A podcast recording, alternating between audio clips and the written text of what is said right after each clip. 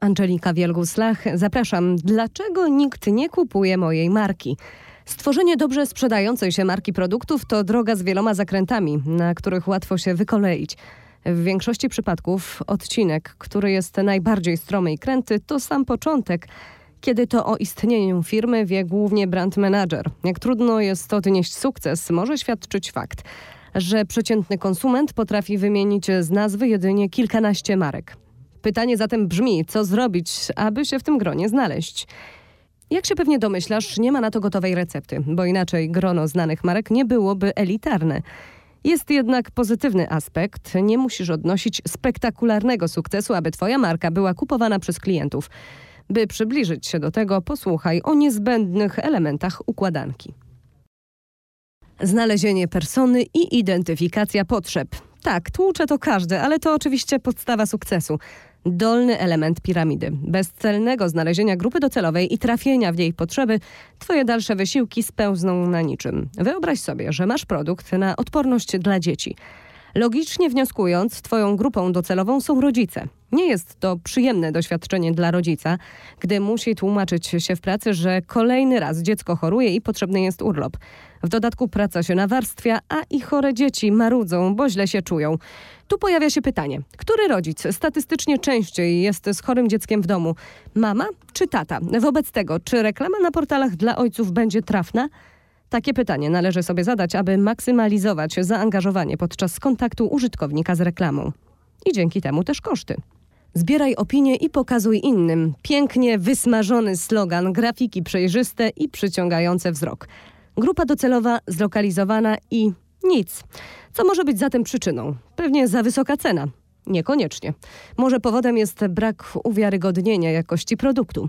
Nikt z nas nie chce kupić bubla. Brak opinii stwarza duże ryzyko, że tak się może wydarzyć. Co zatem warto zrobić? Rozdawaj pierwsze produkty i poproś o szerszy feedback w internecie. Jeżeli masz pewność, że wszystko będzie ok, to i opinie będą pozytywne. Pamiętaj, że jeżeli jesteśmy zadowoleni z zakupu, to rzadziej też się tym chwalimy. Około 3% z nas to robi. Dlatego tym bardziej zachęcaj swoich klientów po udanym zakupie do podzielenia się swoją satysfakcją z innymi, proponując na przykład rabat na kolejne zakupy lub oferując udział w konkursie. Być może opinie o Twojej marce już gdzieś się znajdują.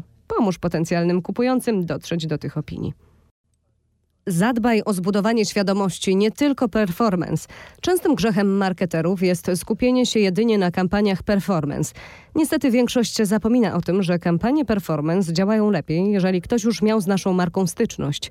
Dlatego pierwszym krokiem powinno być skupienie się na zbudowaniu świadomości wśród grupy docelowej.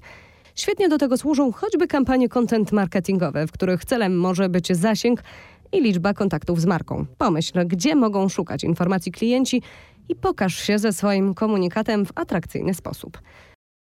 Popraw prezentację produktu i optymalizuj. Prezentacja produktu to nigdy nie jest jednorazowe zadanie, a proces. Mierz, testuj, zmieniaj, a wszystko w celu maksymalizacji uwagi potencjalnego nabywcy. Opis, zdjęcia, kolory, hasła, social proof, układ, sekwencja.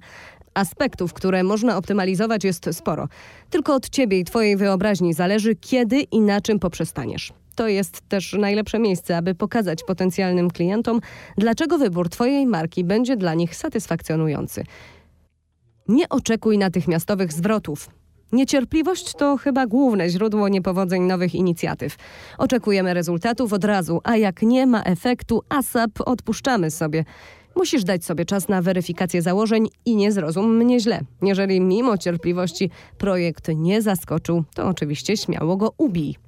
Bądź widoczny. To nie jest tak, że raz zbudujesz świadomość i możesz odfajkować zadanie. Stanowczo nie. Jest to proces, który trzeba poprawiać, rozwijać.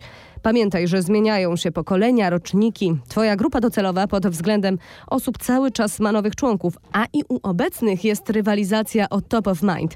To, co działo się wczoraj, dziś ma już inny efekt. Inaczej żyjemy, konsumujemy media, mamy też inne priorytety w swoim życiu. Budując marketing plan, challenge'uj obecne decyzje. Niewykluczone, że zrobisz coś lepiej lub czegoś więcej. Co jeszcze może zawieść? Naturalnie opisane aspekty To nie jedyne możliwe źródło niepowodzeń. Twoja marka rzeczywiście może mieć źle skalibrowaną cenę, jakość może pozostawiać wiele do życzenia lub czynniki zewnętrzne, przykład pogoda, regulacje prawne, mogą spowodować, że popyt na Twoje dobra drastycznie zmaleje. W tym przypadku jedynie dywersyfikacja kategorii wydaje się słusznym rozwiązaniem. Po więcej branżowych artykułów odsyłamy Was na stronę e-commerce news.pl.